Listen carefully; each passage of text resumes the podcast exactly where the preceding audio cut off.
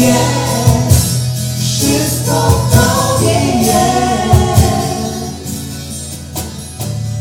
Nawet kiedy nie widzę, Ty działasz, nawet kiedy nie czuję, Ty działasz. Nigdy nie, nie się, nigdy nie, nie się. Nawet kiedy nie widzę, Ty działasz,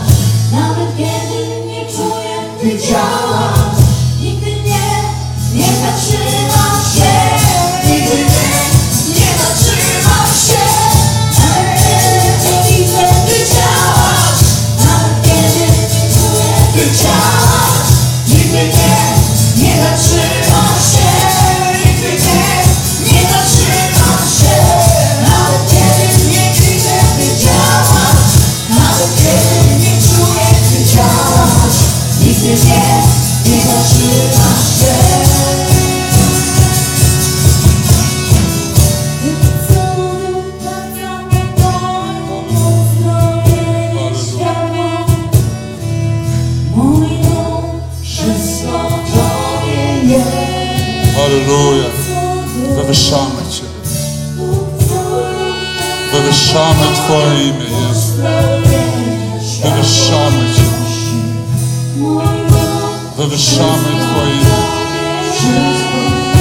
Wywyższamy Cię.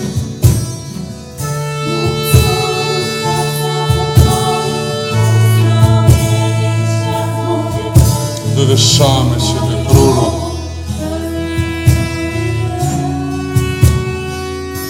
Jezus objawił się na ziemi, by objawić miłość i łaskę.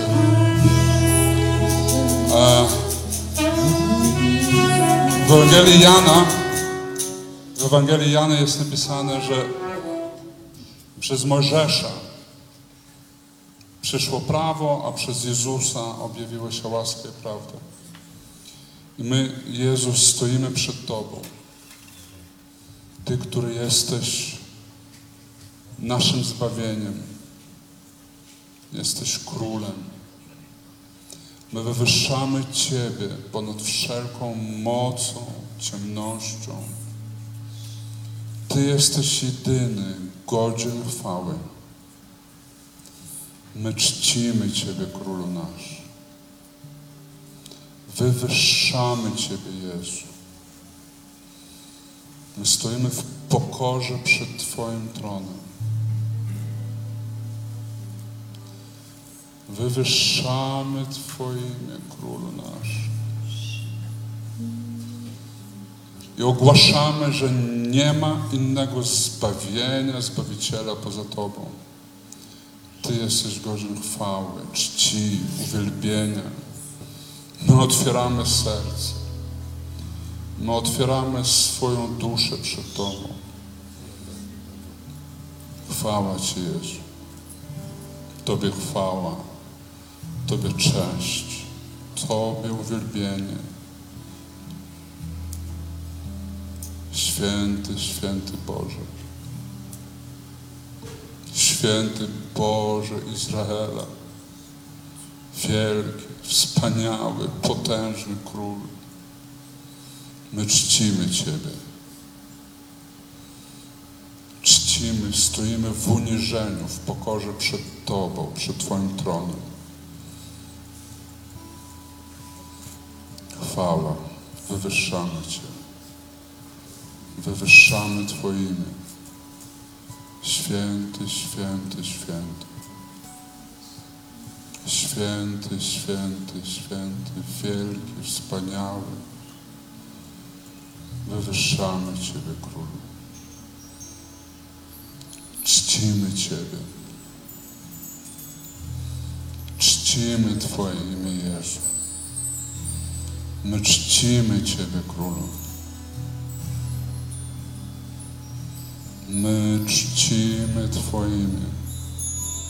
Halleluja. Chwała, chwała, chwała, chwała. My otwieramy się przed Tobą. Otwieramy się przed Twoim duchem. Oglądamy Ciebie, patrzymy na Twoje piękno, patrzymy na Twoją wielkość. Cudowny, cudowny Boże. Tobie chwała. Amen. Usiądźmy. Niech Bóg nam towarzyszy dzisiaj. Teraz e, ogłoszenia poproszę, tak?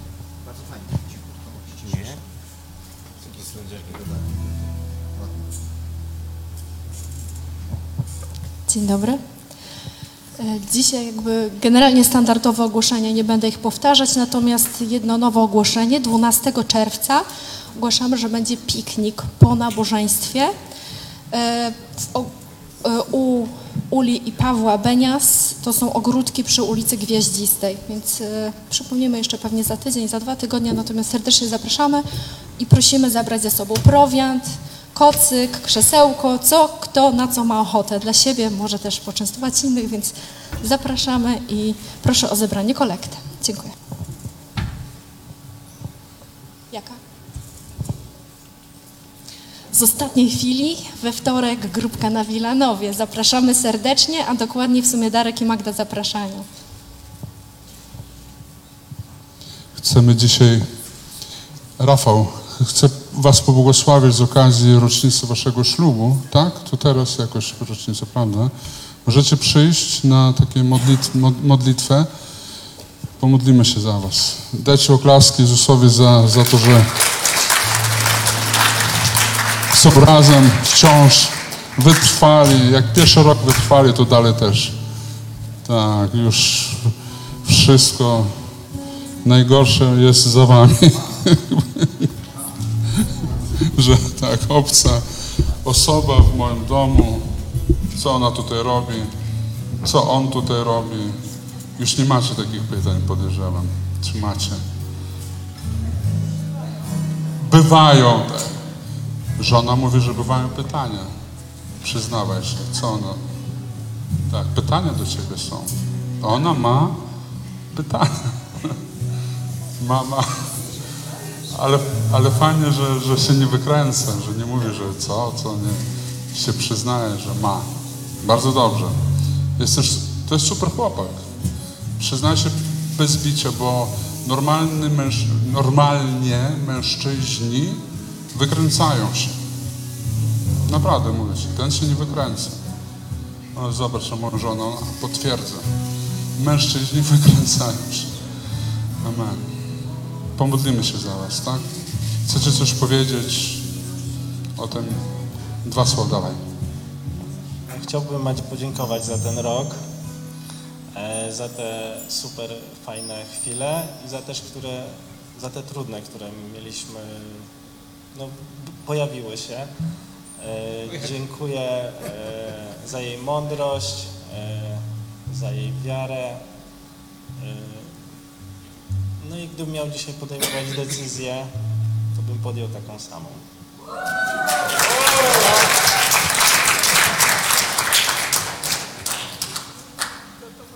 Ty się nie przygotowałaś. A to, to było z serca. To super słowo, to super deklaracja. No, super deklaracja. Macia, nie przejmuj się, na życie się nie da przygotować.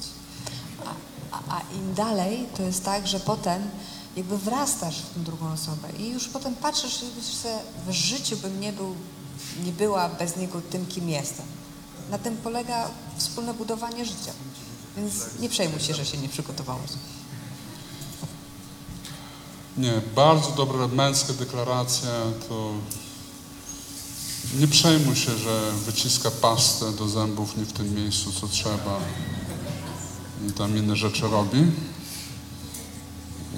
Mam dla was dzisiaj słowo z Ewangelii Jana 14, pierwszy werset. Niechaj się nie trwoży serce wasze. Wierzcie w Boga i we mnie wierzcie. Także mm, jak facet, mężczyzna deklaruje, żeby nie wybrał innej kobiety, to znaczy, że go rajcujesz, pociągasz, mm, jesteś dla niego nietuzinkowa. I to o to chodzi, bo y, najgorsze jest nuda w małżeństwie. Więc e, okazuje się, z, z Rafała ust rozumiem, że on nudno nie ma. Brawa dla Rafała, że wytrzymuje. I, I dla Magdy, która mu stwarza atrakcyjne życie. I wiecie co, naprawdę, e, Bóg ma poczucie humoru nieraz, daje nam osobę, która myślisz, Boże, czy warto było? On tak myślał nocami, ty też. Ale on już doszedł do wniosku, że warto.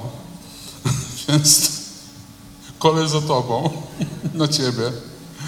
E, Ale warto. Jest, mm, Bóg zbudował tak mm, mężczyznę i kobietę, że to mężczyzna ciągnie. Jest napisane, ciągnij mnie, pobiegnijmy, nie? W e, pieśń nad pieśniami tak mówi, że pociągnij mnie, pobiegnijmy, że to kobieta mówi do mężczyzny, pociągnij mnie, pobiegnijmy, więc on zdecydował Ciebie ciągnąć i Ty już nie masz wyjścia. Będzie Cię ciągnął i będzie Ci dobrze z nim. Trochę minie, może będzie trochę jakieś, na pewno zawsze w każdym małżeństwie latami trwają jakieś nieporozumienia, ale jak on ciągnie, jak jest lokomotywą, to to jest fajnie. A co powiedzieli tam świadków kilka, że tak, że co, że, że jak ciągnie mężczyzna, tak? I że bywa ciężko raczej są świadkowie. Tak, a kto mówił, że życie jest łatwe? Nikt. Tylko e, Jezus powiedział, że żebyśmy w tym braku, braku łatwości nie trwożyli się, tak jak mówi Pismo. Niech się nie trwoży serce wasze, wierzcie w Boga, we mnie wierzcie, czyli e, wiara w Boga stwarza nam atmosferę, atmosferę braku trwogi. Super. Więc nie trwóżcie się, pomodlimy się za nich. Dobrze, wyciągnijmy ręce. Ojcze, dziękuję Ci za Magdę i Rafała. Dziękuję za ten rok, który jest za nimi. Dziękuję, że wszystko się układa. My wiemy, że ciężko jest w takim wieku dorosłym zmieniać się, ulegać sobie nawzajem, ale Ty jesteś Bogiem cudów i Ty prowadzisz tę cudowną parę. Ja dziękuję Ci za Rafała, który jest taki fajny chłopak, mężczyzna, prawidłowy mężczyzna. Daj mu siły, żeby w braku nudy wytrzymał, żeby dalej był pełen miłości, akceptacji, żeby wyrażał miłość. Daj mu mądrość, mądrość, jeszcze- więcej mądrości w imieniu Jezusa Chrystusa. Amen. Czy ktoś z liderów ma do nich jakieś słowo, może e, zachętę, napomnienie, kar, skarcenie? Okay, żartuję. Okej, fajnie. Czy coś, coś jeszcze będzie dzisiaj? Y, Na każdego tutaj dzisiaj czeka poczęstunek w formie pączka. Przy wyjściu przy, w holu będą wystawione. Y, Tutaj krótkie lokowanie produktu. Najlepsze pączki to od Michała Wolińskiego. I Miry nie ma. Także y, zapraszam na co nieco słodkiego. Było najbardziej głodny i wychudzony, zaczął klaskać pierwszy. Uratowałeś mu dzisiaj obiad. Normalnie.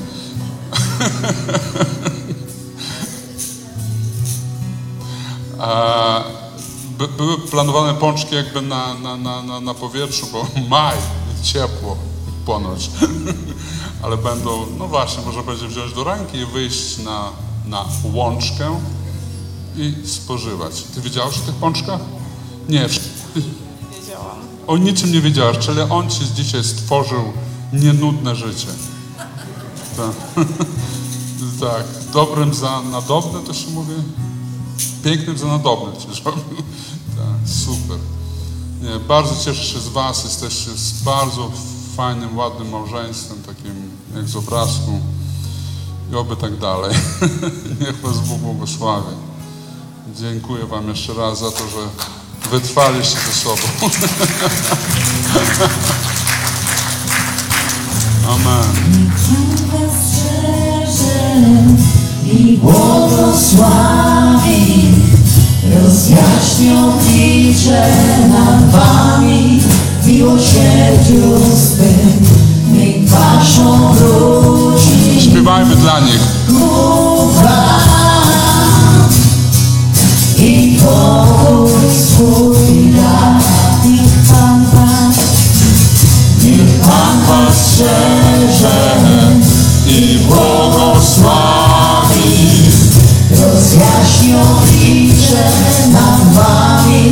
miłosierdziu swym. Niech patrzą wróci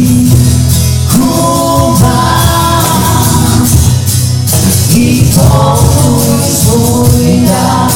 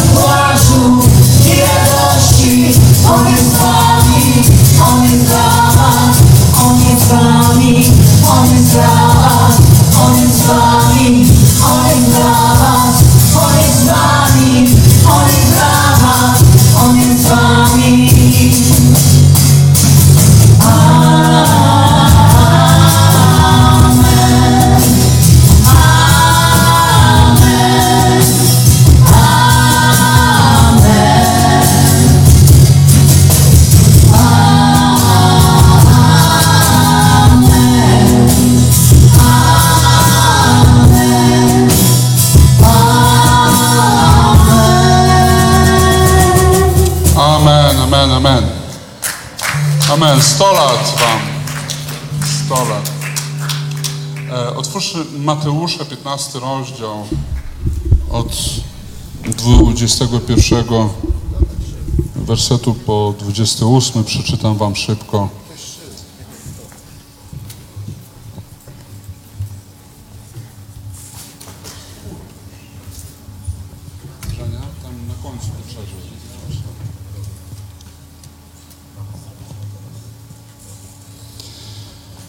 Wyszedłszy stamtąd, udał się Jezus w okolice Tyru i Sydonu, to jest słowo przed wieczerzą, jak rozumiecie. I oto niewiasta kananejska, wyszedłszy z tamtych stron, wo wołała, mówiąc, zmiłuj się nade mną, Panie, synu Dawida, córka moja jest okrutnie dręczona przez demona, on zaś nie odpowiedział jej ani słowa. I przystąpiwszy uczniowie jego, prosili go, mówiąc, odpraw ją, gdyż woła za nami. A on odpowiadając, rzekł, jestem posłany tylko do owiec zaginionych z domu Izraela, lecz ona przyszła, złożyła mu pokłon i rzekła, Panie, pomóż mi. A on odpowiadając rzekł, niedobrze jest brać chleb dzieci i rzucać szczeniętom. Ona zaś rzekła, tak Panie, ale i szczenięta jedzą okruchy, które spadają ze stołu panów ich. Wtedy Jezus odpowiadając rzekł do niej, niewiasto, wielka jest wiara Twoja, niechaj Ci się stanie, jak chcesz i uleczona została jej córka od tej godziny. I teraz w tym fragmencie bardzo mocnym mm, momentem jest, pamiętacie w ogóle, że Wieczerze Pańskie, kiedy apostoł Paweł pisał w liście do Koryntian i on mówił, e, że bez szacunku traktujecie ciało i krew pańską, dlatego wielu zasnęło, znaczy wielu jest chorych, a wielu umarło. Taki skrót myślowy. Czyli niewłaściwe przyjmowanie wieczerzy powodował w zborze korynckim śmierć i choroby. I e, to, to wskazuje na to, że z tego jednego wersetu wnioskujemy, że przez to przyjmowanie wieczerzy i e, jedzenie chleba i wina, czyli ciała i krwi, co, co nam symbolizuje ciało i krew, co mm, staje się, jest tą ciałą, ciałem i krwią. To jest moment, w którym my spożywamy zdrowie, uzdrowienie.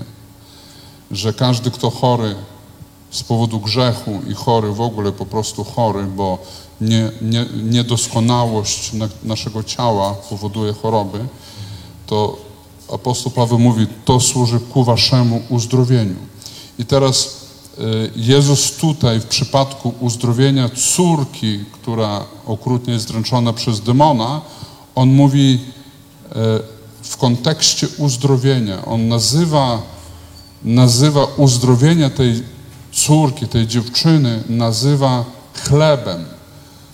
Uzdrowienie jest chlebem, czyli tak jak chleb codziennie jemy, spożywamy kanapki, prawda, czy jemy tam po prostu chleb, ogólnie to jest codzienne danie, ogólnie. I uzdrowienie jest tym chlebem, czyli Bóg chce Ciebie uzdrawiać, karmiąc Ciebie.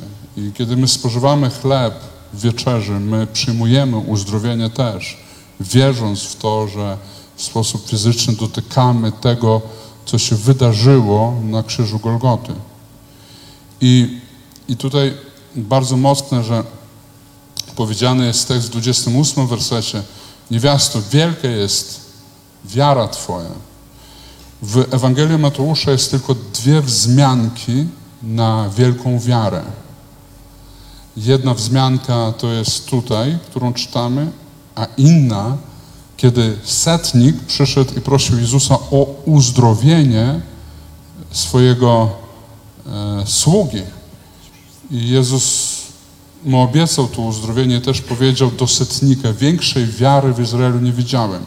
Jeśli przeczytać uważnie Ewangelię Mateusza, to Jezus powiedział, że wielką albo największą wiarę w Izraelu jest wymieniona w przypadku dwóch osób w, w Ewangelii Mateusza. I obydwie osoby nie byli Żydami, a byli poganami, czyli kimś, kto nie żył według prawa mojżeszowego, według, czyli ludzi, którzy nie żyli według zasad religijnych w ogóle.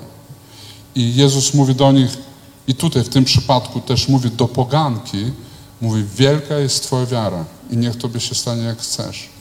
Czyli to było mocne, bo apostołowie mogliby mieć pretensje do Jezusa, mówiąc, Panie, słuchaj, może nieco przesadziłeś, a my co? Chodzimy z Tobą, uczysz nas, z Tobą jesteśmy. A tutaj ktoś jeden raz przyszedł, tam setnik pogański, tutaj pogankę, i Ty mówisz, że ona ma, on ma większą wiarę niż, co nawet niż my. Rozumiecie? To jest, e, to jest mocne, dość mocne stwierdzenie, że tutaj jest zawarta jakaś głębsza myśl, dlaczego poganie są nazwani, nazwani mm, tymi, którzy mają największą wiarę. W, w, w obydwu przypadkach, jeśli przeczytamy i porównamy Mateusza e, tutaj 15 i Mateusza 8 z setnikiem, to obydwoje bezpośrednio mieli jakby, zwracali się bezpośrednio do Jezusa Chrystusa. Oni przychodzili do Niego i wymagali od Niego, rozmawiali z Nim i nie mieli nic na swoją obronę na zasadzie, że Panie, bo słuchaj, modliłem się dzisiaj albo, albo kocham, y, na przykład, mm, że, że próbuję naśladować wiarę Żydów, wiem, że jestem żydowskim. Oni nic nie mieli, na, nie ma w ich tekstach coś takiego, że, że my nie jesteśmy, tak, ty przyszedłeś do Żydów, Ale ja tam ogólnie jakby Żydów szanuję, tak, owszem. Ona tutaj przyznała się, że tak, Żydzi nazwała, że my jesteśmy poganie szczeniętami, Żydzi są psami, tak jakby, że my jesteśmy dzie- dziećmi, którzy też mamy prawo ze stołu pańskiego jeść, ale przede wszystkim, jeśli i tu była wielk- wiel- wielka wiara, i tam była w przypadku setnika, setnik mówił, Panie, powiedz tylko słowo, a będzie uzdrowiony sługa mój. On jakby zwracał się bezpośrednio do Jezusa. Nie do zasad, nie do religii, nie do sposobów, do osoby Jezusa Chrystusa. Ani w tym przypadku, ani w tamtym przypadku nie ma złotej jakby myśli, na którą można byłoby wskazać, że Jezus powiedział, o, ponieważ tak wierzysz, to wielka jest Twoja wiara. Jeśli porównasz te dwie historie, to były dwie absolutnie jakby argumentacje setnika poganina i tej kobiety poganki były różne, a Jezus w jednym i w drugim przypadku powiedział, wielka jest Twoja wiara. I wspólny mianownik w tych dwóch historiach jest to, że oni rozmawiali z Jezusem i wymagali od Jezusa cudu dla swoich bliź, e, bliźnich i krewnych. E, Może teraz nie ma czasu na to, żeby to, w to się wgryzać w domu. Otwórzcie Biblię. Zachęcam Was w ten sposób czytać i badać Słowo Boże i wzrastać we właściwym zrozumieniu, zrozumieniu Biblii. Amen? E, Nie w takim teoretyzowaniu i szukaniu czegoś.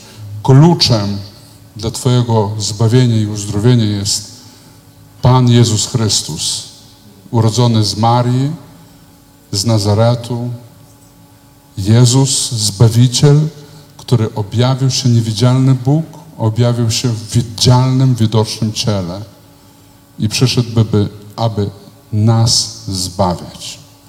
Amen. I dzisiaj przystąpmy teraz do chleba, który jest naszym uzdrowieniem. Jezus Chrystus.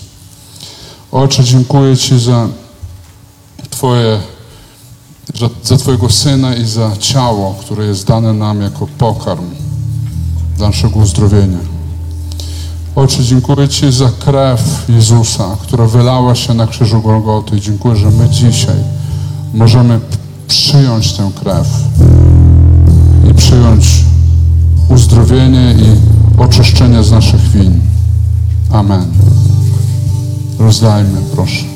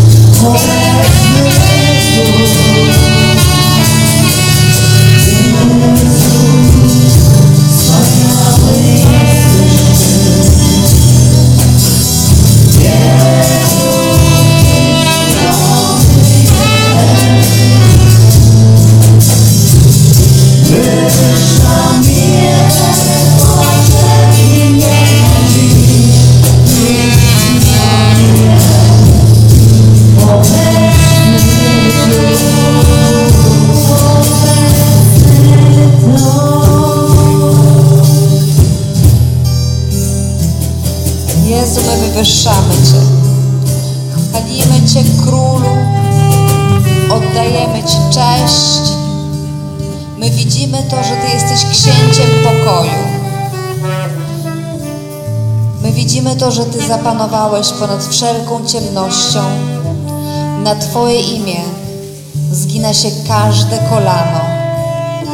Na Twoje imię drży piekło. Ty królujesz pośród obłoków. Ty usiadłeś, bo już nie masz nic więcej do zrobienia. Pod Twoimi nogami jest ziemia, słońce, wszechświat. Król nasz i Pan nasz. Patrzymy na Ciebie z zachwytem. Patrzymy na Ciebie z nadzieją. W ogóle patrzymy tylko na Ciebie, bo bez Ciebie nic nie ma sensu. Jezu, jesteś naszym królem. Jesteś naszym królem. Jesteś Bogiem ponad bogami. Jesteś Bogiem ponad każdą trudną sytuacją. Jesteś Bogiem ponad naszymi grzechami. Jesteś Bogiem ponad wszelką okolicznością. Wywyższamy Cię, Jezu. Wywyższamy Cię, Jezu. W Tobie jest pokój, w Tobie jest szczęście, w Tobie jest pocieszenie, Tobie jest zapewnienie, że wszystko się ułoży, że nasze strachy się nie spełnią, nasze obawy będą zażegnane. Jesteś królem przez wszystkie wieki wieków. Ty wiesz, co będzie i Ty nie drżysz. Jezu, wywyższamy Cię. Jezu, wywyższamy Cię. Ty jesteś Bogiem. Ty nas prowadzisz. Ty trzymasz w swoich rękach nasze życie. Dziękujemy za pokój, jaki dajesz. Dziękujemy za przyszłość, jaką dla nas budujesz. Dziękujemy Ci za Twoją obietnicę życia wiecznego, które działa w nas, która pokonuje grzech, która pokonuje choroby, która pokonuje śmierć. I my razem z chórami, razem ze starcami wołamy święty, święty, święty. Pan Bóg zastępów. Ty królujesz, Ty przychodzisz i Ty się nie spóźniasz. Amen. Aleluja. Dziękuję. Można usiąść? Tak, to teraz już jestem oślepiona.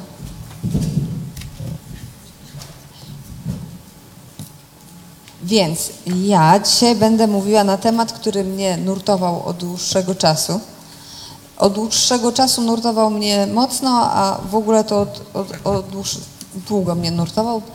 Kazanie brzmi i temat, czego chce od nas Bóg. Bo y, to była rzecz, y, która nurtowała mnie, że tak powiem, od zawsze. Czego ode mnie chce Bóg? Ja nie wiem, może was to nie martwi, czego on chce, ale ja zostałam wychowana w głęboko religijnej rodzinie, i teraz mówię to pozytywnie, gdzie te rzeczy były ważne. I jakby myślenie o tym, że Bóg coś ode mnie chce i że On ma jakiś plan, mniej lub bardziej tajemniczy, a ja w niego nie trafię, no było takim, że tak powiem, trochę męczącym uczuciem, że tak powiem. Więc to było jakby od zawsze, od dziecka, tak? Czego Bóg chce? I tutaj zaczyna się jakby takie pytanie, czego On chce konkretnie ode mnie w moim małym życiu, tutaj w Polsce, w Warszawie, w szkole 53 podstawowej. A czego On chce ode mnie jako od ludzkości? Może On ma jakiś wielki plan? I w ogóle. E, jakby wychowana w katolickiej rodzinie wiedziałam, że każdy ma powołanie i że najlepiej na nie odpowiedzieć i się poddać Bogu. Zazwyczaj to powołanie było dość takie, no, obfite w skutkach negatywnych, więc człowiek e, zgodnie z taką, taką teologią przyjęcia cierpienia zmagał się gdzieś z tym. Potem się czuł, przynajmniej ja się potem nawróciłam, no i wtedy się zaczęło, w sumie nie wiem, czy nie trudniej. Dlatego, że, że znowu było głoszenie na ten temat, że w ogóle mamy misję od Boga, jest plan, wejdź w swoje powołanie i zdobądź ziemię, gdziekolwiek pójdziesz, tam w ogóle wszyscy padną i tak dalej, bo masz wielkie powołanie. I to było jeszcze gorsze. Dlatego, że wcześniej byłam uczona, że cokolwiek mnie spotyka jest wolą Bożą, no i po prostu trzeba się pokornie na to zgodzić i już jesteś w dobrym miejscu, tak? A tutaj trzeba coś robić bliżej nieokreślonego, w coś wchodzić, coś zdobywać i nigdy nie masz do końca pewności, czy to jest to, co, o, co, o co chodzi. Więc to tak, taki szeroki plan, że tak powiem. E, mo, moich niepokojów związanych z tym, czego chce ode mnie Bóg. E, no a potem przyszło, przyszło poznanie Jezusa w Jego pełni. To jest łaska. I taki przyszedł spokój na parę lat, że może On nic ode mnie nie chce. A może ja jednak jestem po prostu dzieckiem Bożym, a dzieci się nie ma z, e, z powodu chytrych planów wykorzystania ich, tylko z miłości. Ale w końcu myślę, że Bóg mi coś pokazał i zaczniemy od takiego szerokiego planu, czego chce od nas Bóg. To jest od Adama i Ewy, czego Bóg na początek chcia, chciał od ludzkości. W sensie, czy rzeczywiście On powołał nas do istnienia z takim wrednym planem, będziecie tutaj tyrać i wykonywać moje zadania, bo nie miałem komu zlecić. E, I zaczniemy od Księgi Rodzaju. E, od Księgi Rodzaju, czyli pierwsza Mojżeszowa 1,28 to jest to, jak Bóg stwarza człowieka. I trochę to tak właśnie wygląda, że wtedy były jakieś zadania. 1,28 I błogosławił im Bóg i rzekł do nich Bóg rozradzajcie się, rozmnażajcie się, napełniajcie ziemię, czyńcie ją sobie poddaną, panujcie nad rybami morskimi i nad ptactwem niebios i nad wszelkimi zwierzętami, które poruszają się po ziemi. Czyli jest zadanie. Rozradzajcie się i rozmnażajcie się. Nie powiedziałabym, żeby to było jakieś szalenie intelektualnie trudne.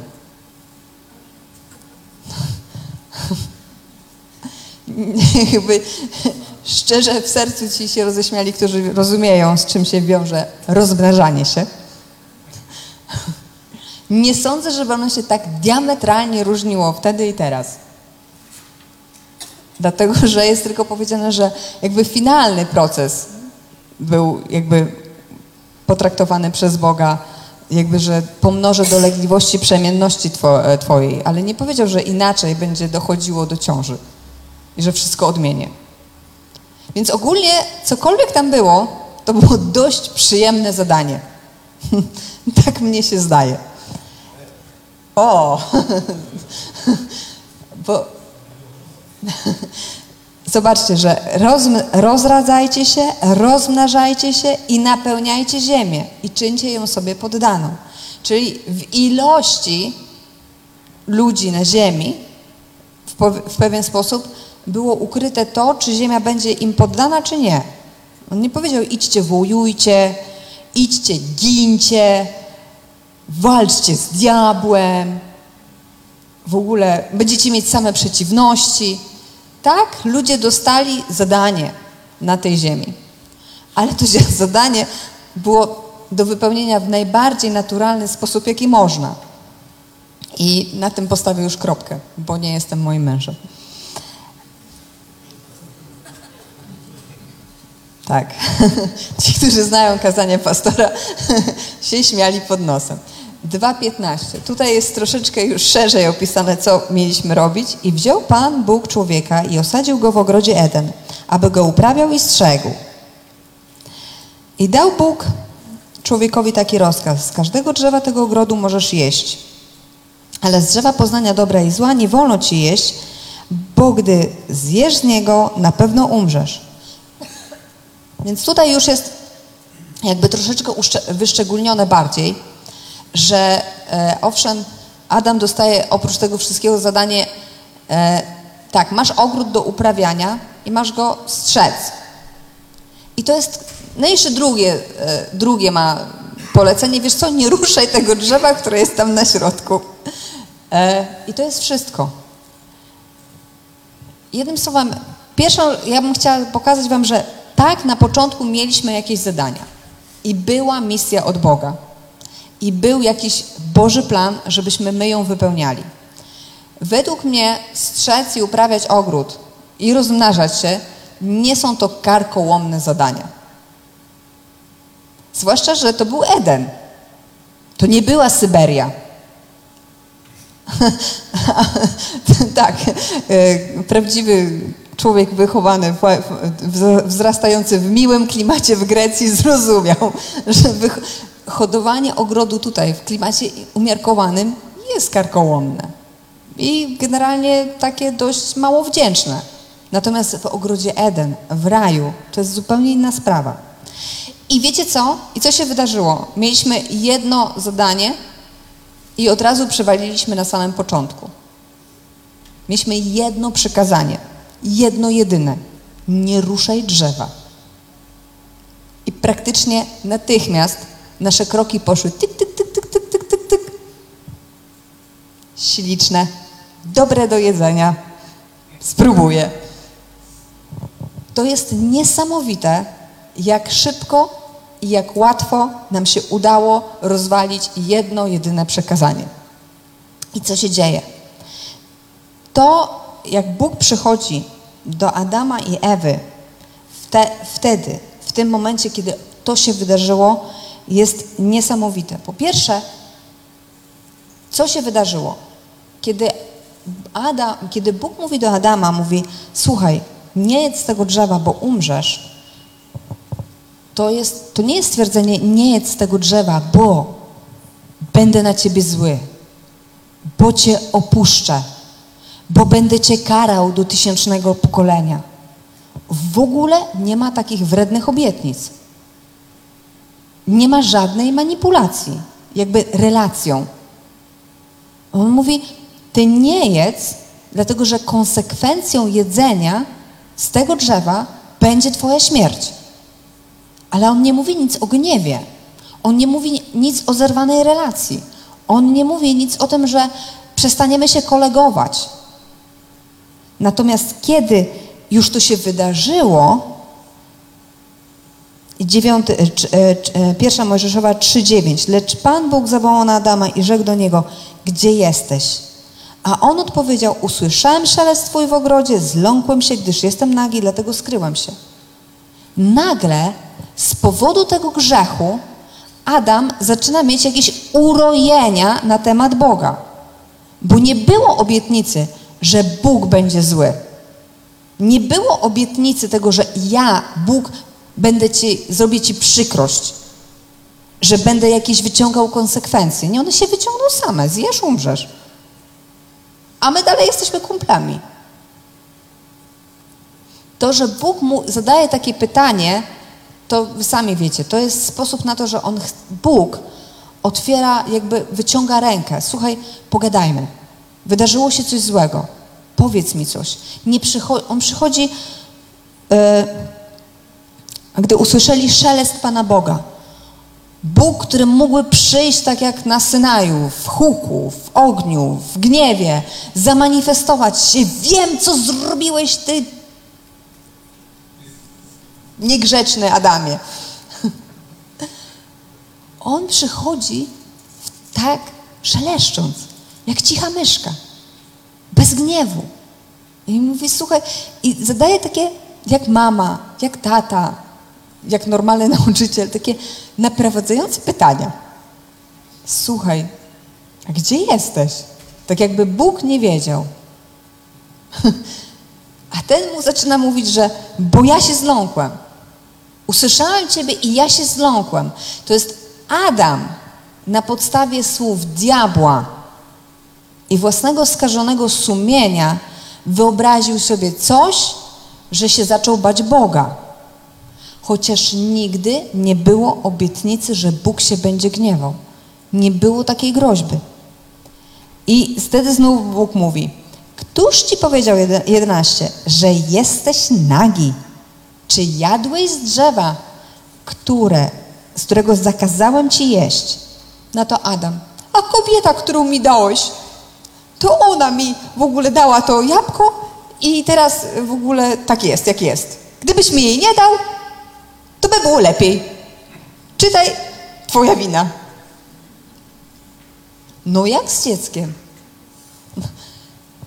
Ja, moje rozumienie tej, tego dialogu jest takie, że Bóg chce, żeby Adam się po prostu przyznał, że zrobił źle. A Adam się wije, wykręca. Zresztą Ewa też nie jest lepsza. Wtedy, że Pan Bóg rzekł do kobiety, dlaczego to uczyniłeś? Odpowiedziała, wąż mnie zwiódł, zwiódł i jadłam. Chociaż jej odpowiedź jest prostsza. No tak, wąż ją zwiódł i ona jadła. Tak właśnie się wydarzyło. Ale z drugiej strony oni mieli strzec ogrodu. To, że tam był wąż, który był zły, trochę tak jakby ktoś go tam wpuścił.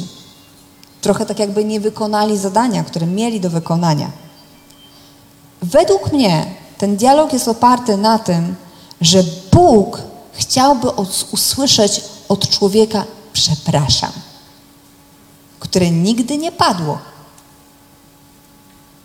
Człowiek wykręca się jak może w swojej pysze, ani razu nie przyznaje się do winy. I tak w tym dopiero momencie, według mnie, mojego zrozumienia tego, co się dzieje w tym dialogu, zaczyna być zerwana relacja w pewien sposób. Bo dopiero wtedy Bóg mówi, wtedy mówi Bóg do węża.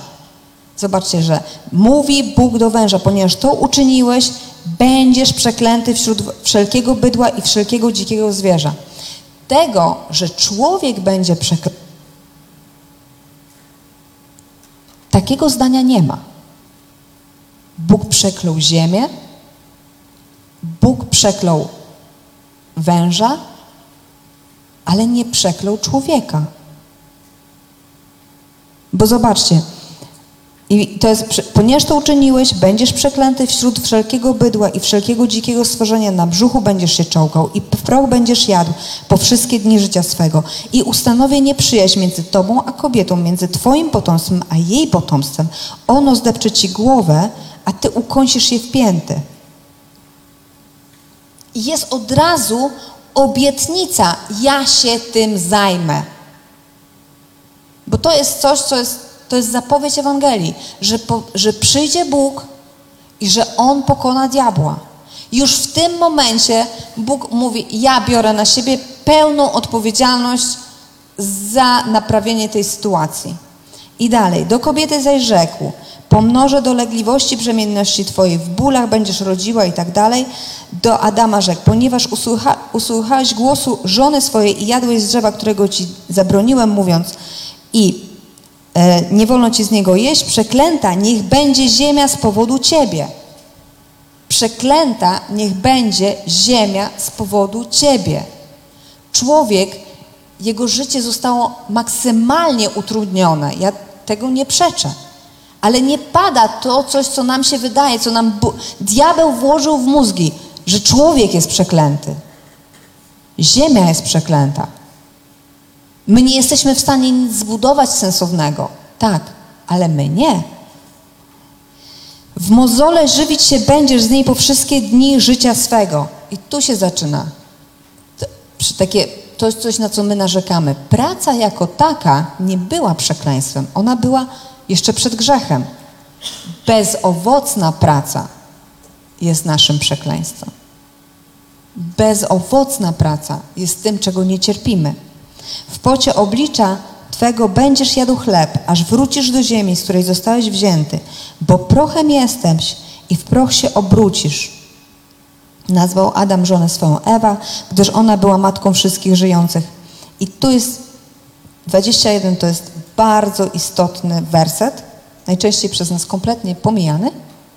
To jest uczynił Pan Bóg Adamowi i jego żenie, odzie, i żonie odzienie ze skór i przyodział ich i przyodział ich. To jest ten moment. Wiecie, to wszystko tutaj jest. Ja wierzę, że to jest po prostu szalony skrót tego, co tam się działo. To jest obraz, który ma nam pokazać i e, jakby przenieść nas tak w taką narrację tamtego tego momentu. Przyodział ich Bóg. Oni co zrobili sobie? Oni sobie sami spletli gałązki figowe i zasłonili swoją nagość, sw- swój wstyd.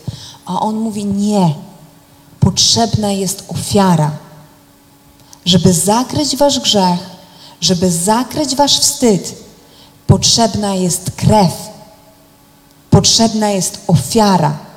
Ja mówiłem wam o tym, że ty będziesz miała dzieci, on będzie miał dzieci i twoje dzieci pokonają diabła. Bo i on, przez to, że on, to jest pierwsze, to jest pierwsza śmierć tak naprawdę, która dokonuje się na ziemi. Z ręki Bożej ginie jakieś zwierzę. To musiało być dla Adama i Ewy strasznie brutalne przeżycie. Nie było wcześniej rozlewu krwi. To była, ziemia była nówka sztuka. W ogóle ścieżek wydeptanych nie było. Podejrzewam, że oni nawet nie zdążyli spróbować wszystkich owoców, które były w tym Edenie.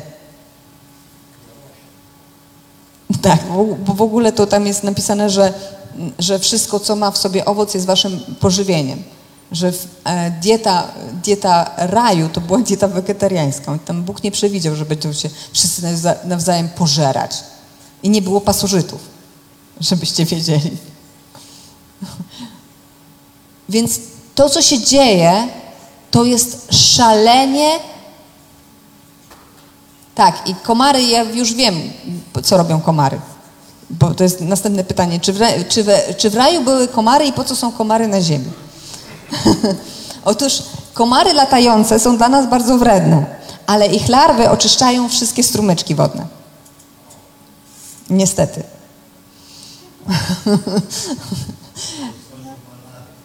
A to nie u nas. Dobra, ale wracając. Wracając, e, wracając do tej sytuacji, którą mamy. Mamy, mamy raj, mamy cudowną relację z Bogiem, mamy grzech, mamy obietnicę w ogóle jakiegoś strasznego życia, że wszystko się zepsuło, wchodzą choroby, dolegliwości, bezowocna praca, i na koniec tego wszystkiego Bóg przynosi, przyprowadza jakieś Bogu ducha winne zwierzę i je zabija. I mówi teraz ty skórę tego zwierzęcia założysz na siebie. Stąd Kain i Abel wiedzieli, jaka jest ofiara, która jest, po- podoba się Bogu. Bóg im, rodzicom, to jest Adamowi i Ewie, pokazał, kto ich usprawiedliwia i w jaki sposób. Bo to jest następne pytanie, kiedy czytamy o Kainie i o Ablu, że to takie niesprawiedliwe. Ten był pasterzem, to miał owieczki, to jedno zacznął, a tamten był rolnikiem, to przyniósł to, co wyhodował i no i co? I się okazało, że niedobrze. Prawda? Jeżeli myślimy o tym w taki prosty sposób, bo ja jako dziecko myślałam w taki prosty sposób, no a skąd miał wziąć owce, kiedy on miał pole? No wiadomo, że mógł wziąć od Abla, ale prościej było, e, prościej było po prostu przynieść to, co akurat miał, prawda? No logiczne. Tymczasem z tego, co tutaj widzi, widzi jest napisane, uczynił Pan Bóg Adamowi i jego żonie odzienie ze skór i przyodział ich. Bóg im powiedział, wasz wstyd, wasz grzech, wasza nagość jest zasłonięta przez ofiarę. I tak będziecie do mnie przychodzić, nie w inny sposób. Ale to jest jedna rzecz. Pytanie, czego chce Bóg? Zobaczcie, że od tego momentu Bóg w ogóle zapomniał o wszelkich zadaniach, jakie mamy. Od momentu, kiedy, kiedy, kiedy my skrywiliśmy na całej linii, Bóg już w ogóle zapomniał o tym, że my mieliśmy kogoś strzec, coś uprawiać, zarządzać jakąś ziemią. W ogóle, jakby mówi, zapomnijcie. Teraz ja biorę na siebie całą, całą historię. W tym właśnie zdaniu, że ja, że ustanowię nieprzyjaźń pomiędzy tobą a kobietą, między twoim potomstwem a jej potomstwem, ono zdepcze ci głowę, a ty ukąsisz je w piętę. W tym jednym zdaniu mówi, wiecie co, tak naprawdę w tej chwili to, co jest is- najistotniejsze, to jest uratowanie was. Zarządzanie planetą, wszechświatem i w ogóle to już nie ma znaczenia. I potem mamy dzieje ludzkości. Tak, przejdziemy tak jak, jak dla dzieci, bo takie ważniejsze wydarzenia, które mamy, to mamy właśnie Kaina i Abla, które już skomentowałam. Bóg mówi, przynieś ofiarę i on w ten sposób patrzy na to, czy który z nich, czy ludzie będą trwać w relacji. Potem mamy Noe i potem mamy wieżę Babel. To są takie trzy, takie, jakby, takie trzy najważniejsze rzeczy, które się dzieją. We wszystkich tych wydarzeniach jest ten sam rys.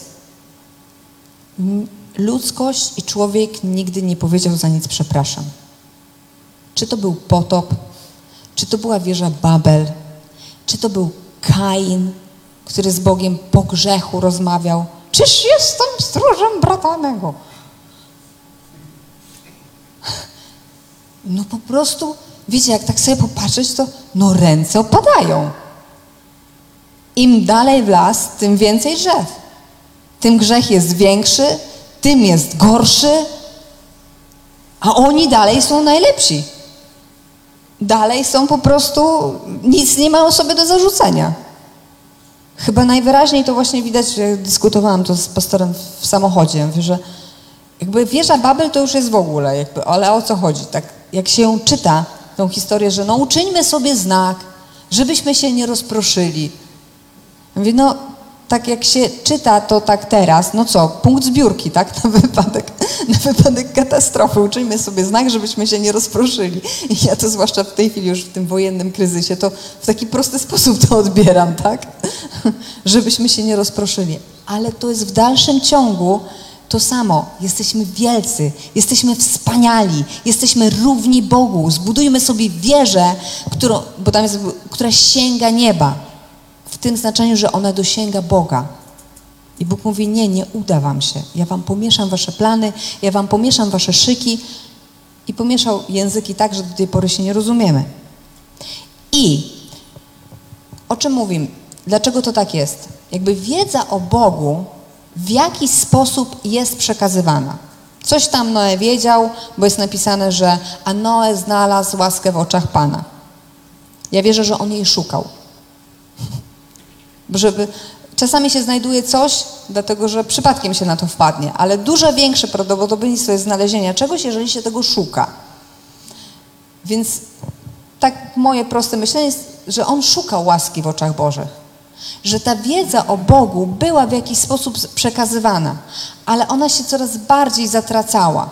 Ludzie sobie nie byli w stanie w jakiś sposób taki e, uporządkowany tej wiedzy przekazać. Wydarzyła się wieża Babel, co już w ogóle wszystko za, zaburzyło. I mamy Księgę Rodzaju 12. 12, 1, 3. Księga, pierwsza Mojżeszowa 12, 1, 3. To jest powołanie Abrama jeszcze na tamten moment. Kiedy to, co ja w tym widzę, Bóg postanawia objawić się ludzkości. Bo On widzi, jak jest. Że po tych wszystkich wydarzeniach, jeszcze po wieży Babel, jakby nikt już o Boga nie dba. Jakby te, po, nie jakby, tylko na pewno opowieści z, z raju, opowieści Adama i Ewy już są dawno wypaczone, przekazywane w ogóle w głupi sposób. Same są tam legendy i baśnie. I Bóg mówi, i rzekł Pan do Abrama, wyjdź z ziemi swojej, od rodziny swojej i z domu go do ziemi, którą Ci wskażę. A uczynię z Ciebie naród wielki i będę Ci błogosławił i uczynię, cię, i uczynię sławnym imię Twoje, tak, że staniesz się błogosławieństwem. I będę błogosławił błogosławiących Tobie, a przeklinających Cię będę przeklinać. I w Tobie będą błogosławione wszystkie plemiona ziemi. Czyli Bóg postanawia wybrać sobie jednego człowieka, objawić się mu i przez to, że on tego człowieka, że tak powiem, wyhoduje w naród, objawi się wszystkim ludziom. I zobaczcie, że to, co tutaj jest powiedziane, nie ma znowu żadnej groźby. Nie ma ani jednego wspomnienia o karze. Nie ma żadnych takich momentów, że ja będę dla ciebie nieprzyjemny, jeżeli będziesz niedobry. Chodź, wyjdź z tego miejsca, w którym jesteś, spośród tych baśni i legend, spośród tych ludzi, którzy mnie nie znają i uczynię z ciebie naród i będę cię błogosławił i i w Tobie będę, i zobaczcie, staniesz się błogosławieństwem i będę błogosławił Tobie, tym, którzy Tobie błogosławią. Czyli Bożym planem jest uczynić właśnie naród, naród wybrany, który będzie chodził pod takim błogosławieństwem, że ludzie patrząc na ten naród będą widzieli dobroć Bożą.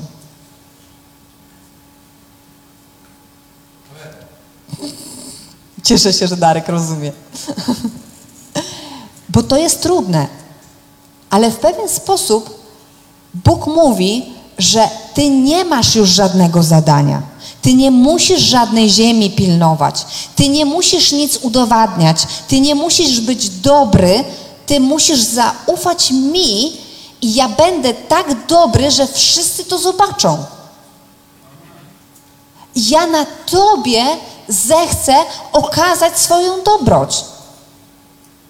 Ja Ciebie rozmnożę i wszystkie Twoje dzieci i dla nich będę dobry, także wszystkie narody ziemi, jak będą chciały się czegoś o mnie dowiedzieć, to będą patrzyły na Ciebie i będą widzieli moją dobroć. To jest sens tego, co Bóg powiedział do Abrahama. Ja tak w to wierzę. I czy Abraham ma jakieś zadanie? Nie. Abraham ma, jakby ma mieć relację z Bogiem, ma mu zaufać, że tak właśnie będzie, że Bóg będzie dla niego dobry. I w, te, w ten sposób żył i Abraham, i Izaak, i Jakub, i Józef. Wszyscy patriarchowie, wszyscy ci, którzy zakładali Izrael, oni chodzili w takim przymierzu. Oni nie mieli nad sobą bata w postaci kary. Zdajecie sobie z tego sprawę? I Bóg mówi o sobie: Ja jestem Bogiem Abrahama, Izaaka, Jakuba. Ja jestem Bogiem, który błogosławi. Ja jestem Bogiem, który chce okazać dobroć. Celem istnienia Izraela od samego początku było pokazanie tego, że Bóg jest dobry i Bóg jest po stronie człowieka. Izrael nie miał na celu innego, czy jakby on musiał w pewien sposób jakby tak na ziemi zrobić sobie miejsce, a ponieważ już było zajęte, to trzeba było kogoś wygnać i, i tak dalej. Ale celem tego było to, że Bóg chciał pokazać to, że on może być człowiekiem. Izrael nie miał jakby takiego immunitetu, że mu się nie przytrafią złe rzeczy, że nie będzie miał przeciwności, że nie będzie trudno. Ale Bóg mówił: Ja będę z Tobą zawsze, ja Cię ze wszelkiej trudności wyprowadzę, ja będę zawsze po Twojej stronie. I jak patrzymy na życie patriarchów, to myślisz sobie, no w ogóle idzie nie w tą stronę, w ogóle robi głupio i źle, a Bóg nie karze jego, tylko karze wszystkich naokoło. To jest znowu Abraham, który oddał swoją żonę.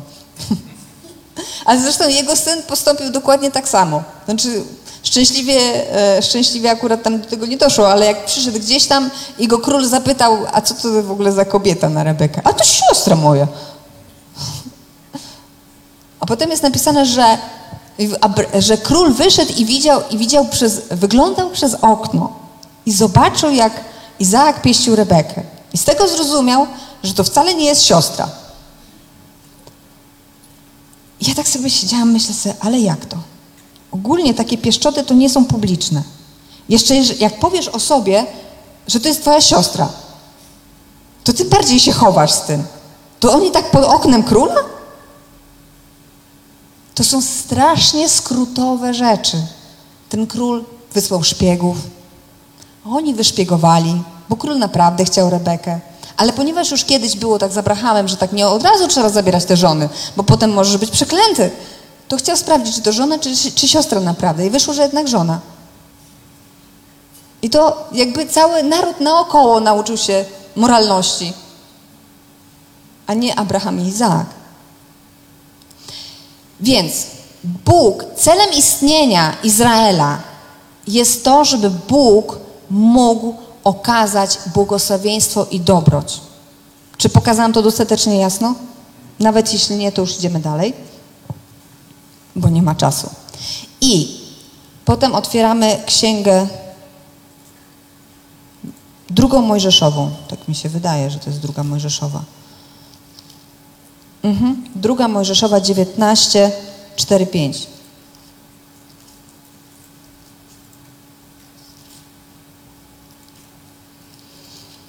Hmm.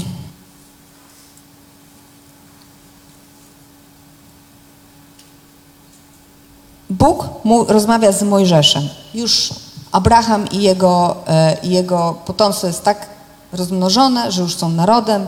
Udało im się uciec z Bożą pomocą z Egiptu. I 4.5. Bóg mówi do Mo, e, druga Mojżeszowa 19.4.5. Wy widzieliście, co uczyniłem Egipcjanom, jak nosiłem was na skrzydłach orlich i przywiodłem was do siebie. A teraz, jeśli pilnie słuchać będziecie głosu mojego i przestrzegać mojego przymierza, będziecie szczególną moją własnością pośród wszystkich ludów, bo moja jest cała ziemia. Bóg ustanawia swoje przymierze z całym narodem, już nie z patriarchami, tylko mówi: Wy, gremialnie, wy wszyscy będziecie moją szczególną własnością. I on, I on mówi: Popatrzcie, jak to się działo, jak ja was przeniosłem na skrzydłach, jak ja was wywołałem stamtąd, jak bardzo ten Egipt musiałem ukarać za to, że wy tam byliście i cierpieliście. I teraz, jeśli wy będziecie mnie słuchać, to wy będziecie szczególną moją własnością. A do tej pory cały czas byli. Wszyscy obrywali, tylko nie oni. Nawet jak oni robili niedobrze. Wy, i sześć, wy będziecie mi królestwem kapłańskim, narodem świętym. Takie są słowa, które powiesz synom Izraela. Wy będziecie mi królestwem, kapła, królestwem kapłańskim i narodem świętym. Co to jest królestwem kapłańskim? Czyli wy będziecie takim znakiem błogosławieństwa, że jakby będziecie narodem, który jest, cały naród jest kapłanem przed Bogiem. Wy będziecie źródłem błogosławieństwa dla, dla reszty świata. I wtedy co się dzieje? Przyszedł Mojżesz, 7. Zwołał starszych ludu, przedstawił im te wszystkie słowa, które im Pan nakazał. Wtedy cały lud odpowiedział razem, mówiąc: Uczyńmy wszys- uczynimy wszystko, co Pan rozkazał. A Mojżesz powtórzył Panu słowa ludu. I to jest takie ciekawe. Jakby, przez, jakby patrzyliśmy sobie na, na, na tę historię ludzkości do Mojżesza, oni ani razu nie powiedzieli przepraszam, nigdy za nic. Od, od momentu grzechu pierworodnego. Bóg im mówi, słuchajcie, widzieliście jak jest, że generalnie nie dawaliście sobie rady, ja was musiałem przenieść, może wam otworzyć, pipi, te przepiórki zesłać, wodę ze skały powołać, e, no kupę rzeczy za was zrobiłem, mannę wam zsyłałem, a oni nagle, co nam powiesz, to zrobimy. Damy radę. Wszystko potrafimy. Prawie jak pod wieżą Babel. I tu zaczynam, i tutaj tym przymierzu wprowadzone są kary. Bo właśnie Mojżesz mówi, że jeżeli będziesz słuchał, to będziesz błogosławiony. Ale jeżeli nie będziesz słuchał, to będziesz przeklęty. Jeżeli nie będziesz słuchał głosu Pana Boga swego, to wtedy będzie ci źle. To jest pierwszy raz, kiedy Bóg mówi i grozi. W sensie, to, to nawet nie wiem, czy to jest groźba, to jest po prostu stwierdzenie pewnych konsekwencji. Zaczynamy się rozliczać. Tak jak ty mi, tak ja tobie. Do tej pory byłem tylko i wyłącznie dobry. Cokolwiek robiliście, jak nie wierzgaliście, to ten, kto chciał ze mną gadać, mógł. A teraz zaczynamy się rozliczać. Dlaczego tak się wydarzyło? Jest na, e, I to jest Rzymian 3,20. Dlaczego nastąpiła taka zmiana, że Bóg wprowadza prawo, które nas zaczyna karać? Dlatego jest Rzymian 3:20. Dlatego z uczynków zakonu nie będzie usprawiedliwiony przed nim żaden człowiek, gdyż przez zakon jest poznanie grzechu. Bóg obwieszcza: Słuchaj, ja chcę, żebyś ty zrozumiał, że się mówi przepraszam. Słuchaj, daję ci przykazania i ja wiem, że ty nie dasz rady. Bo od samego początku, przez tę całą historię, oni cały czas nie dawali rady. Bo gdyby dawali radę, to nie byłoby potopu, nie byłoby wieży Babel, nie byłoby innych miliarda po prostu bardzo złych i złych rzeczy. I dalej ludzkość była totalnie ślepa. Za, dalej było tak, bo kobieta, którą mi dałeś, zwiodła mnie. Gdybyś mi tej baby nie przyprowadził, Złą ją zrobiłeś. A w ogóle, Panie Boże, po co to drzewo tam było? Ja wiem, że ja jestem Twoim nieszczęściem. I żebyś sobie świetnie beze mnie poradził. Zobaczcie, bo przez zakon jest poznanie grzechu. Prawo, ono miało obnażyć kondycję człowieka. Prawo jest po to, żeby człowiek zrozumiał, że sobie nie poradzi bez Boga. Oni właśnie wtedy tam na Synaju, właśnie uciekli przed faraonem. Byli w stanie uciec bez Boga od tego faraona? Trzeba było tych 10 plag było, czy 12? Ja już nie pamiętam. 10 plag. Było, trzeba było 10 plag, żeby faraon ich wypuścił, a i tak zmienił zdanie i ich ścigał. I gdyby nie to morze, to by ich wszystkich, które Bóg, które Bóg otworzył, to by ich tam wszystkich w pień wyrżnął. I to by była, to byłby lepszy wariant. Szybka śmierć na miejscu. Bo jak wiecie, ludzkość nic się nie zmieniła i wymyślne tortury to nie jest, y, to nie jest XX wiek. Te, tylko.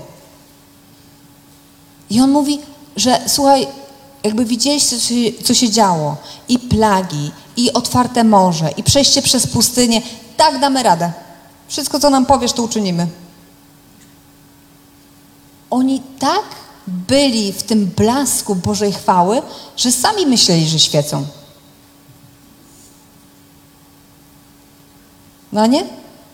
Z nami też tak często bywa. Bóg działa w naszym życiu i my się tak grzejemy, bo w naszym życiu działa. Tak jakby to była w jakiś sposób nasza zasługa. I on mówi: Dobra, dobra. Ja chcę w końcu usłyszeć, że wy macie coś na sumieniu. Ja chcę usłyszeć słowo: Proszę, pomóż mi. Przyznanie się do własnej słabości.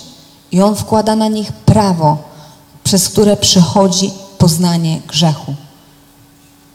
To jest pierwsze i najważniejsze zadanie prawa i w zasadzie jedyne. To jest wykazanie naszej grzeszności. I teraz, potem przychodzi Jezus, tak? Wszystkich nas zbawia i ustanawia Kościół. I teraz, jaki jest cel istnienia Kościoła? Otwieramy, bo to jest, dalej jesteśmy przy temacie, czego Bóg chce od nas, tak? Ustaliliśmy, przynajmniej ja w swoich rozważaniach, ustaliłam, że na początku On chciał, żebyśmy za, zarządzali ziemią. Po czym zobaczył, że w ogóle nam się nie udało i po prostu jesteśmy jak te dzieci we mgle i postanowił, że On już nas wychowa. Co to znaczy, że nas wychowa? To znaczy, że objawi swoją dobroć na wybranym narodzie po to, żeby wszyscy widzieli, jaki On jest dobry. To był cel pierwszych przymierzy. Przede wszystkim przymierze, przymierza Boga z Abrahamem. Ale okazało się, że w dalszym ciągu nos jest tak zadarty, oni jesteśmy jako ludzkość w ogóle uparci w tym, że jesteśmy najlepsi, że trzeba było nam wykazać, że nie jesteśmy tacy świetni. Więc to, pra, to przymierze, przymierze mojżeszowe już miało dwa cele. Tak pokazywać dobroć i pokazywać jednocześnie grzeszność bo, e, człowieka. I przychodzi Jezus, wypełnia prawo mojżeszowe i zakłada Kościół. Otwieramy drugi list do Koryntian, trzeci rozdział.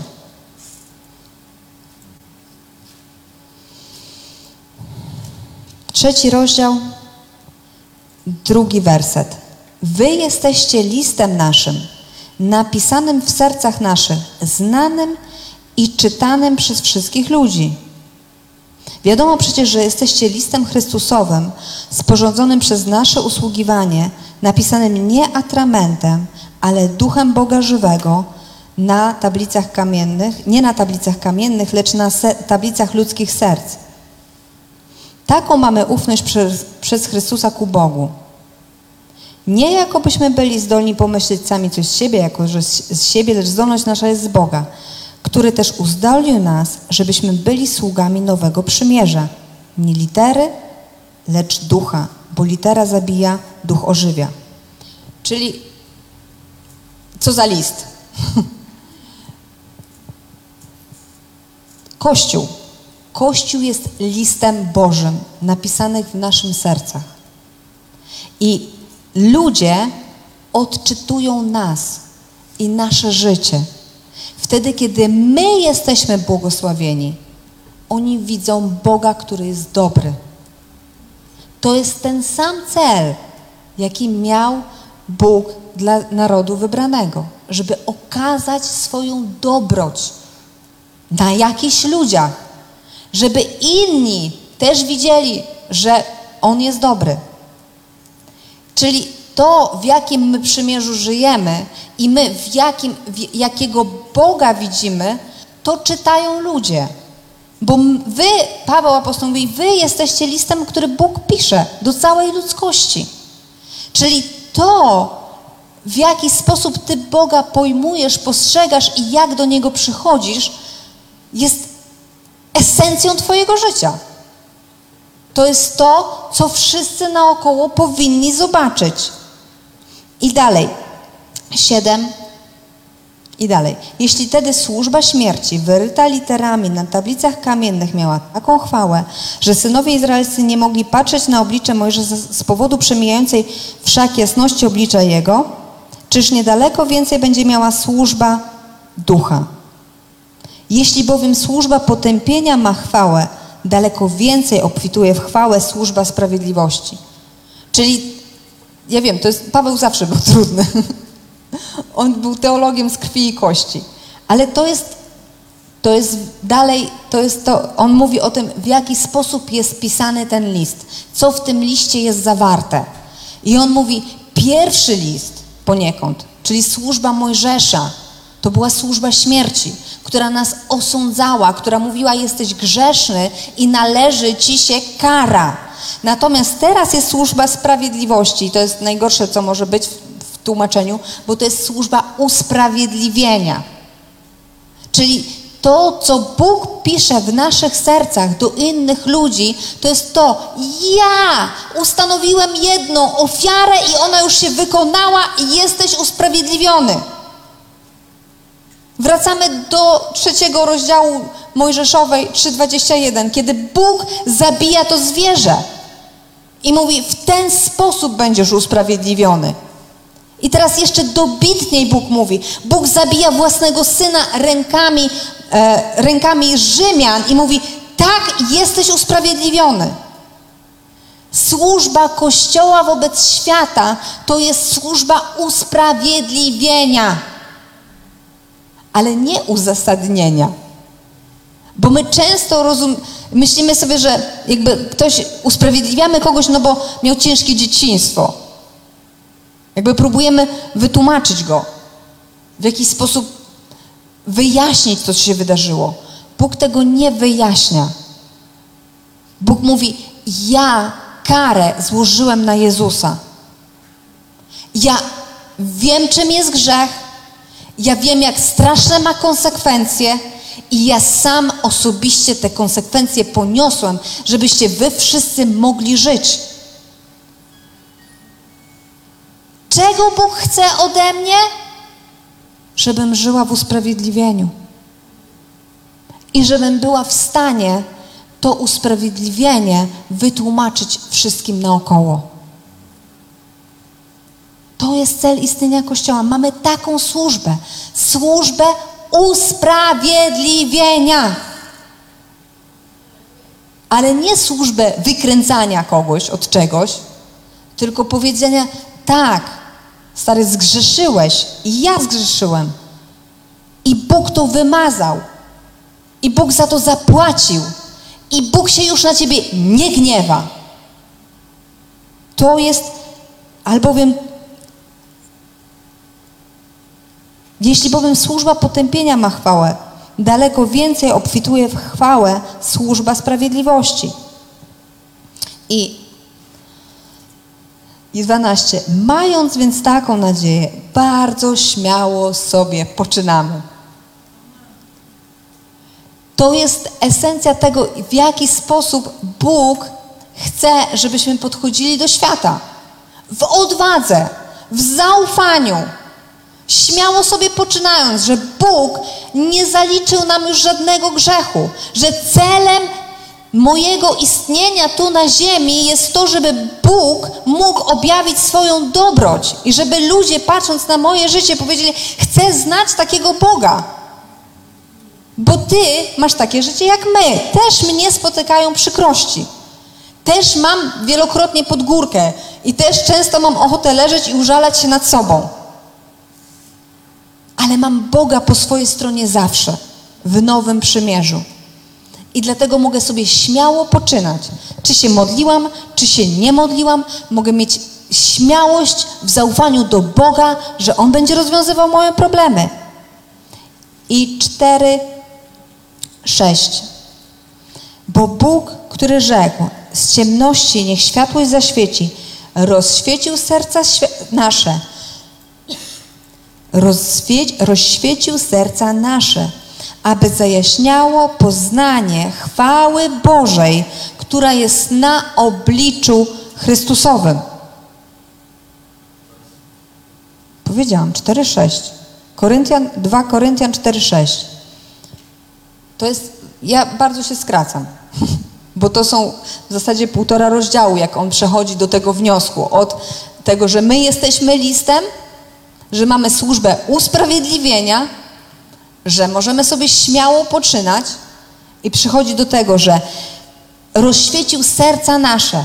To znaczy, kiedy w naszych sercach jest pewność usprawiedliwienia, to wtedy jaśnieje poznanie chwały Bożej. Nawet nie to, czy jesteś zdrowy, nawet nie to, czy ci się życie ułożyło w idealny sposób nie to, czy Twoje dzieci do tysiącznego pokolenia chwalą Boga, tylko czy Twoje serce poznało usprawiedliwienie. Czy Twoje serce jest w stanie, mimo jakichś złych okoliczności, ufać Bogu, że On usprawiedliwia. Wiecie, bo kiedy nam się wszystko udaje i wszystko jest git, to my nie potrzebujemy usprawiedliwienia. I dlatego chwałą ludzkiego serca jest wtedy, kiedy mimo tego, że w zasadzie to jest bez sensu być usprawiedliwionym, bo je, powinienem być potępiony, ja w dalszym ciągu wiem, że Bóg mnie usprawiedliwia. I to jest nadzieją dla wszystkich nas otaczających. Że oni widzą nas w prostocie naszego prawdziwego życia. Kłótni małżeńskich, jakichś niepowodzeń, upadków, i w dalszym ciągu nasze przekonanie o tym, że Bóg jest sprawiedliwością usprawiedliwiającą mnie. Chociaż jest to bez sensu z ludzkiego punktu widzenia. I na koniec. I na koniec tak, jakby, czego Bóg chce? Bóg chce, żebyś ty był znakiem Jego usprawiedliwienia. To jest jedyna rzecz, którą ja sobie z tego, dla mnie takie rozumiem.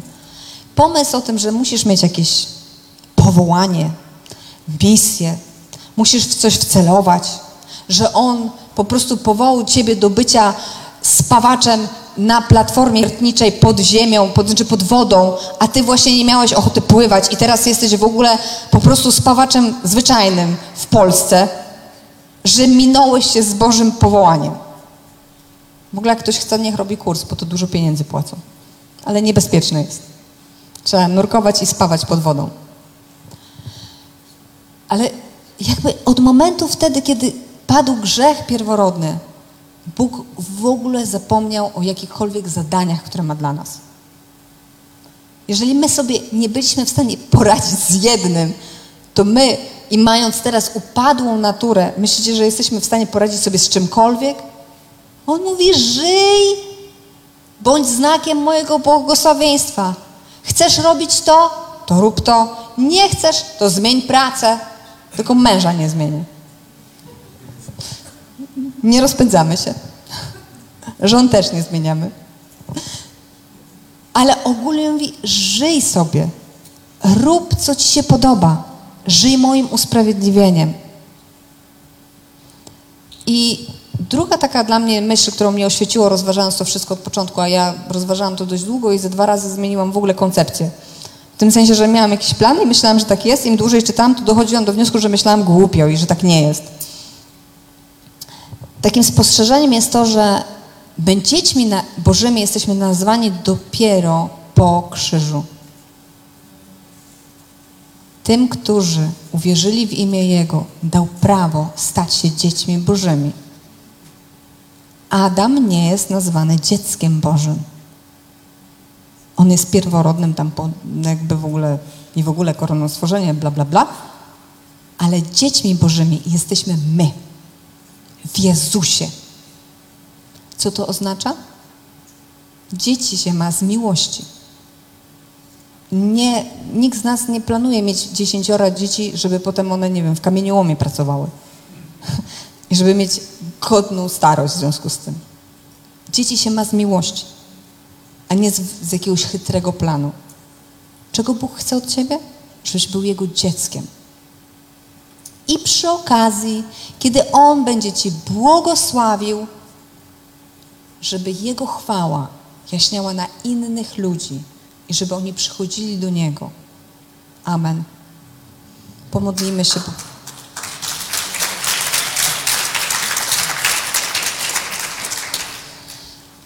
Pomodlimy się. Ojcze, powiedzcie tak, drogi Jezu, wyrzekam się wszelkiego powołania, niespełnionych planów,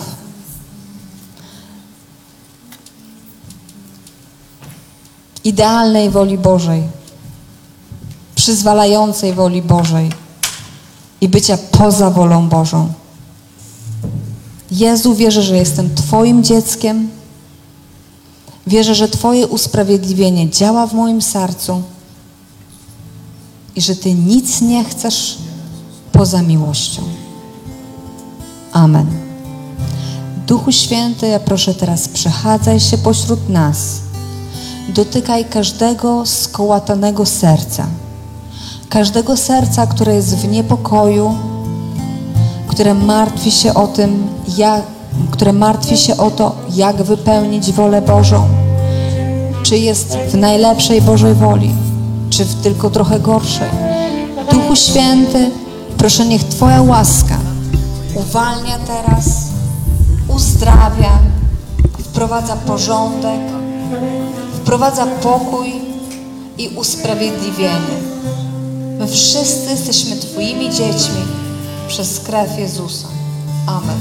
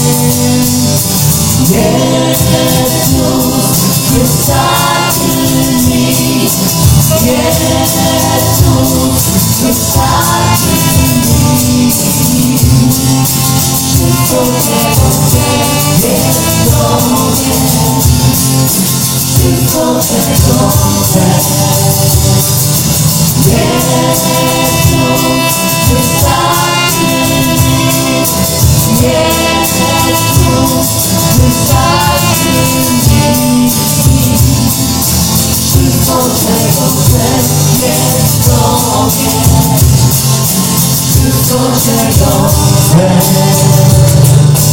Jezus wszystkim jest, bawieniem i radością. A nadzieja spełni się, bo niebo to